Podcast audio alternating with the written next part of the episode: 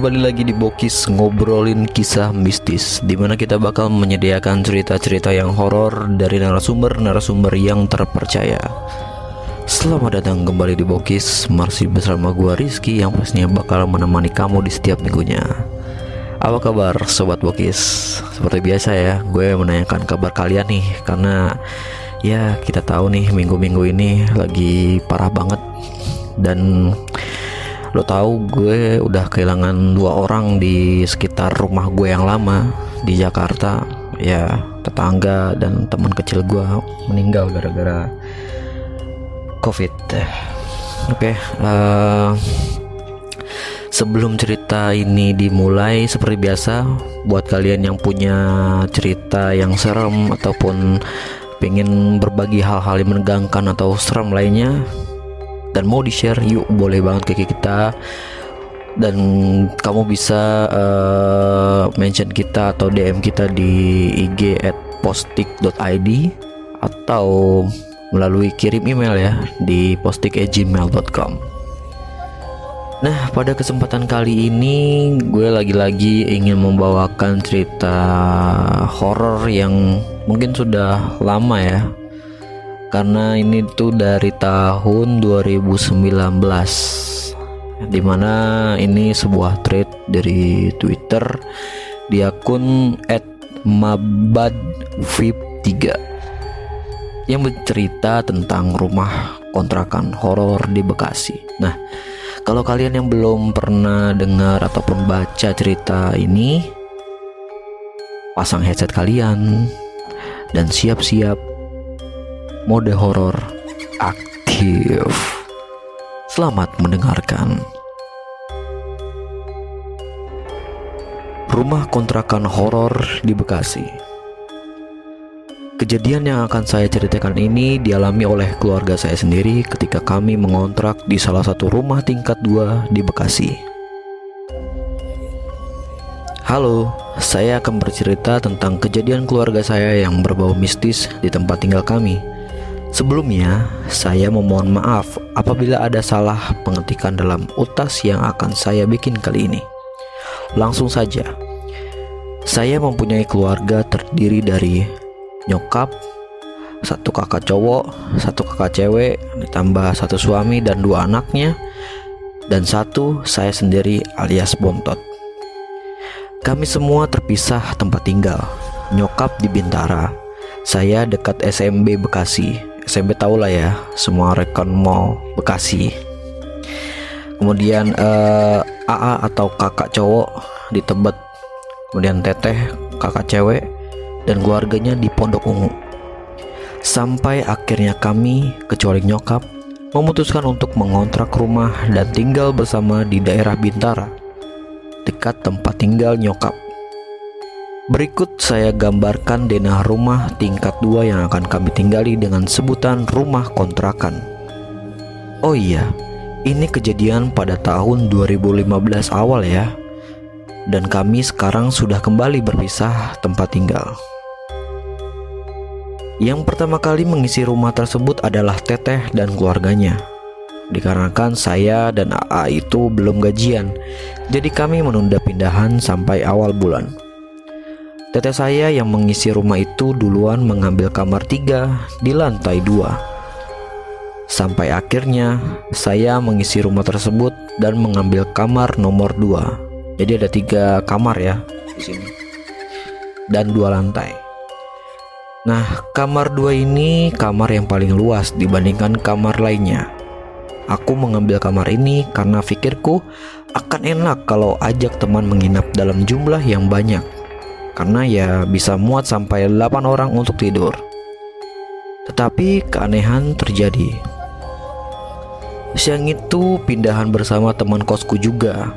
Karena ya siapa tahu dia bisa diajak tinggal bareng dan patungan bayar kontrakan. Dan akhirnya pas lihat rumahnya, dia setuju. Pada siang hari, aku pindahan, hawanya beda di kamar itu dibandingkan aku masuk kamar. Entah karena siang itu panas atau gimana ya Cuma aku ngerasa beda aja Aku sendiri bukan anak indie barens atau indie home indigo kali ya. Aku juga bukan tipe yang sensitif. Namun saat itu aku merasa nggak enak aja ketika aku masuk kamar yang bercat warna kuning dengan catnya yang sedikit mengelupas di beberapa area. Aku melihat kamar tiga yang diisi teteh itu adem banget. Dan melihat kamar satu biasa aja, nggak adem, nggak panas. Ya mau gak mau aku tidur di kamar tiga karena balik lagi ke alasan aku di awal. Malam pertama aku lewati dengan tidur di kamar dua sendiri karena teman kosku harus pulang ke rumahnya di Jakarta Pusat.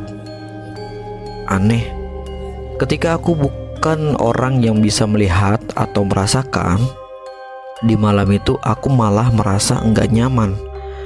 Mencoba memejamkan mata tapi seperti ada sesuatu di depan mata. Gak ambil pusing, aku nyalahin lampu dan tidur sambil nutupin mata pakai bantal. Malam-malam selanjutnya aku seperti itu terus yang didam, yang di mana aku bukan tipe orang yang tidur sambil menyalakan lampu. Sampai akhirnya sebelum aku pindah, Teteh memilih pindah kamar ke kamar satu Dikarenakan dia kasihan sama kedua anaknya yang masih kecil kalau ke kamar mandi harus lewat tangga. Dan gak menyia-nyiakan kesempatan itu, aku pun pindah ke kamar tiga karena ngerasa lebih nyaman di situ. Dan AA pun pindah. Dia mengisi kamar nomor dua. Di kamar tiga aku merasa nyaman sampai akhirnya aku sadar kalau aku selalu terbangun pukul 3 dini hari entah itu cuma kencing ataupun sekedar ambil minum. Jadi aku bangun dan lihat jam itu jam 3. Awalnya aku biasa aja, cuma itu terjadi berhari-hari. Kejadian bangun itu aku nggak mikirin, bodoh amat pikirku. Dan itu nggak merasa keganggu. Tapi kejadian yang aneh lagi yang aku alamin adalah setiap siang hari ada sinar matahari dari tempat jemuran ke arah tempat setrika. Nah, itu di bawah pintu kan ada celah. Dan aku sering melihat bayangan hitam mondar-mandir dari tempat jemuran ke kamar dua. Aku pun membuka pintu dan gak ada orang. Ya, karena gak ada suara langkah kaki, belum juga aku malah buka pintu. Sampai akhirnya ada temanku yang main di kamarku yang nomor tiga itu di siang hari. Dan dia pun juga sampai bilang begini. Eh, kayaknya ada yang lewat deh. Ya aku bilang, gue sendirian PA, orang pada kerja. Kebetulan anak-anak tetehku pada dititipin rumah nyokap setiap tetehku bekerja. Temanku cuma jawab, lah sambil bengong ngeliat celah pintu. Aku yang udah sering lihat itu cuma senyum. Ya, karena aku sudah terbiasa. Sekilas info, di depan rumah aku ada rumah lagi, tapi dipisahkan jalan kecil gitu yang muat satu mobil. Nah, di rumah itu ada satu pohon kelapa yang berseberangan sama kamar dua dan di seberang kamar tiga itu. Dan di seberang kamar tiga itu ada jendela Rumahnya tingkat dua juga, yang dari siang sampai malam terus-terusan gelap setiap hari. Aku nggak tahu itu apa, karena pemilik rumahnya pun jarang keluar dan aku juga gak tahu siapa aja yang tinggal di sana. Oke, kalian bisa bayangin jadi uh, di seberang rumah kontrakan dia ada rumah lagi, tapi rumahnya itu selalu gelap gitu. Selalu gelap padahal ada orang yang uh, tinggal di sana. Oke, kita balik ke cerita. Ini kejadian yang dialami teman kosku. Dia pulang kerja kadang malam. Waktu itu dia pulang ke rumah kontrakan ini lewat pinggir jalan tol yang ada kebun pohon pisangnya. Waktu itu dia lewat dan yep, rantai dia copot karena motornya itu motor gigi. Copot ya, bukan putus. Tepat di tengah-tengah jalan yang sampingnya pohon pisang, dia benerin tuh di situ. Ada dua pemuda yang lewat bawa motor juga bilang, "Kenapa, Bang?" Temanku yang takutnya itu dua pemuda begal bilang, "Nggak apa-apa, Bang. Ini udah bener kok." Padahal belum. Dua pemuda itu akhirnya pergi dan sebelumnya bilang, oh ya udah bang anehnya pas dia lagi benerin rantai kok suara motornya nggak ada pas pergi? Pas dilihat nggak tahu ke mana tuh dua orang. Sampai akhirnya dia balik. Aku masih bangun dan dia cerita semuanya. Dan kita pun tertidur karena sudah malam. Dan besok siangnya dia sakit. Dan sambil bilang tolong ambilin bawang putih dong. Aku kira dia bercanda. Aku bilang, Hah, mau dikerokin loh. Kayak bayi aja pakai bawang. Dia bilang lagi, Cepat, gue udah gak kuat, buruan. Ya aku buru-buru ambil bawang putih. Untungnya ada di kulkas. Aku kupasin dah. Aku naik ke atas. Kagetnya dia bilang, Buruan, pencetin jempol gue pakai bawangnya dan aku kaget sejadi-jadinya. Setauku kalau kayak gini udah deh nggak lain lagi. Dia diikutin atau ditempelin. Pas gue pencetin dan dia ketawa, suaranya cewek, men. Cewek. Dan gue kaget sambil bilang, Astagfirullah, Akbar. Gue lepasin tuh pencetan dia balik. Lagi ke awal kayak sakit meriang gitu sambil bilang, Jangan takut, pencetin aja. Ah, ah di sini gue nangkepnya gini. Ketika uh, lu mencetin kakinya dia nih dia langsung ketawanya suara cewek. Nah ketika dia udah nggak mencet dia balik lagi ke awal gitu. Balik lagi ke cerita.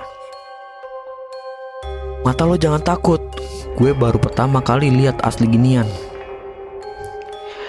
yang di mana gue tetap mencetin karena dia minta dan gue juga kepo-kepo takut.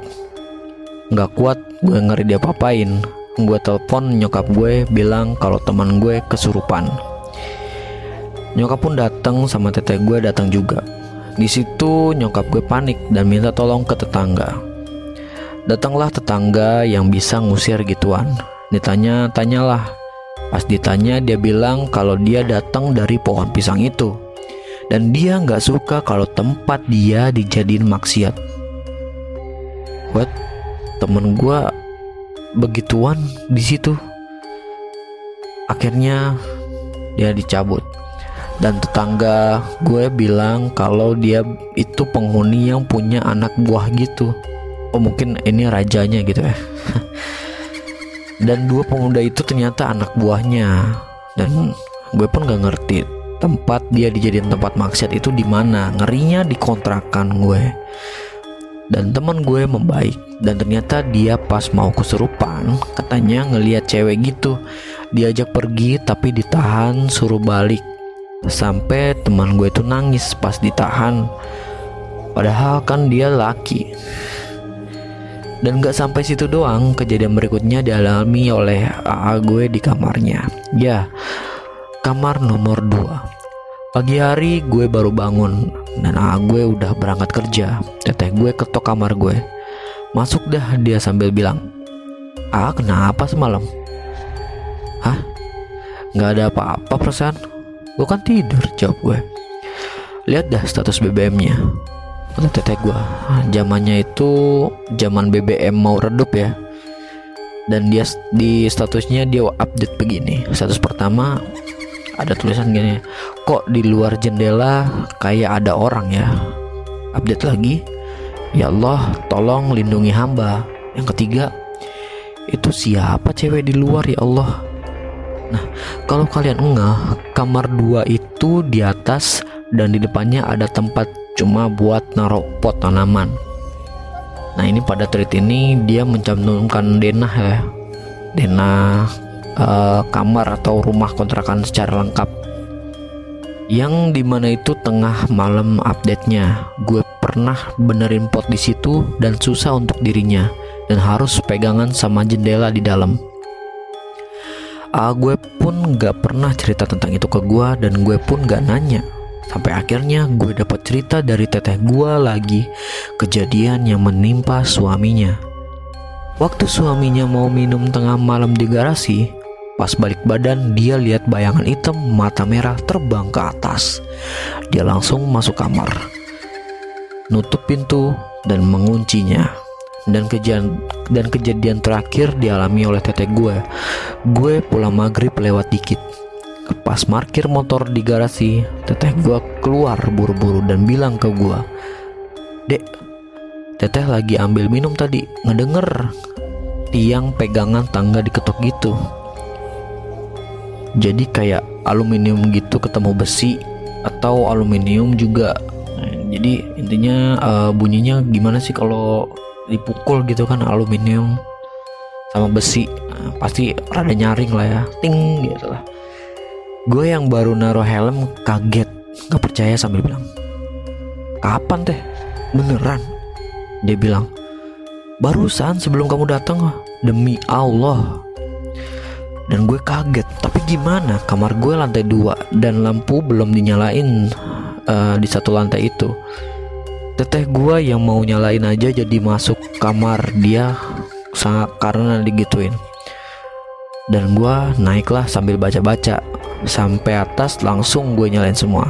Masuk kamar gua gue kunci sampai teman gue balik. Dan itulah kejadian-kejadian horor yang selama ini keluarga gue alamin dan kita tinggal di situ hanya enam bulan bukan karena horornya tapi lebih ke keluarga gue yang kurang harmonis. Dan ini lebih horor padahal ya. Yang lainnya gue nggak tahu ada apa dengan bayangan hitam dan siapa yang ngetok tiang tangga? Mengingat gue juga nggak mau menanyakan rumah itu dulunya gimana.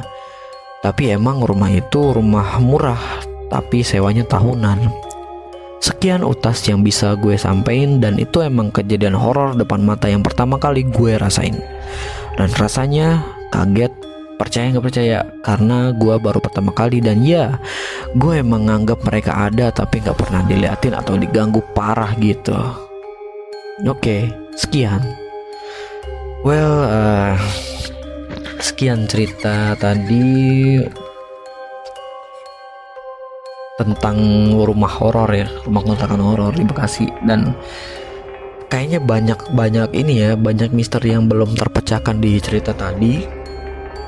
Ya mungkin uh, ini sebagai kita ambil pelajaran positifnya aja.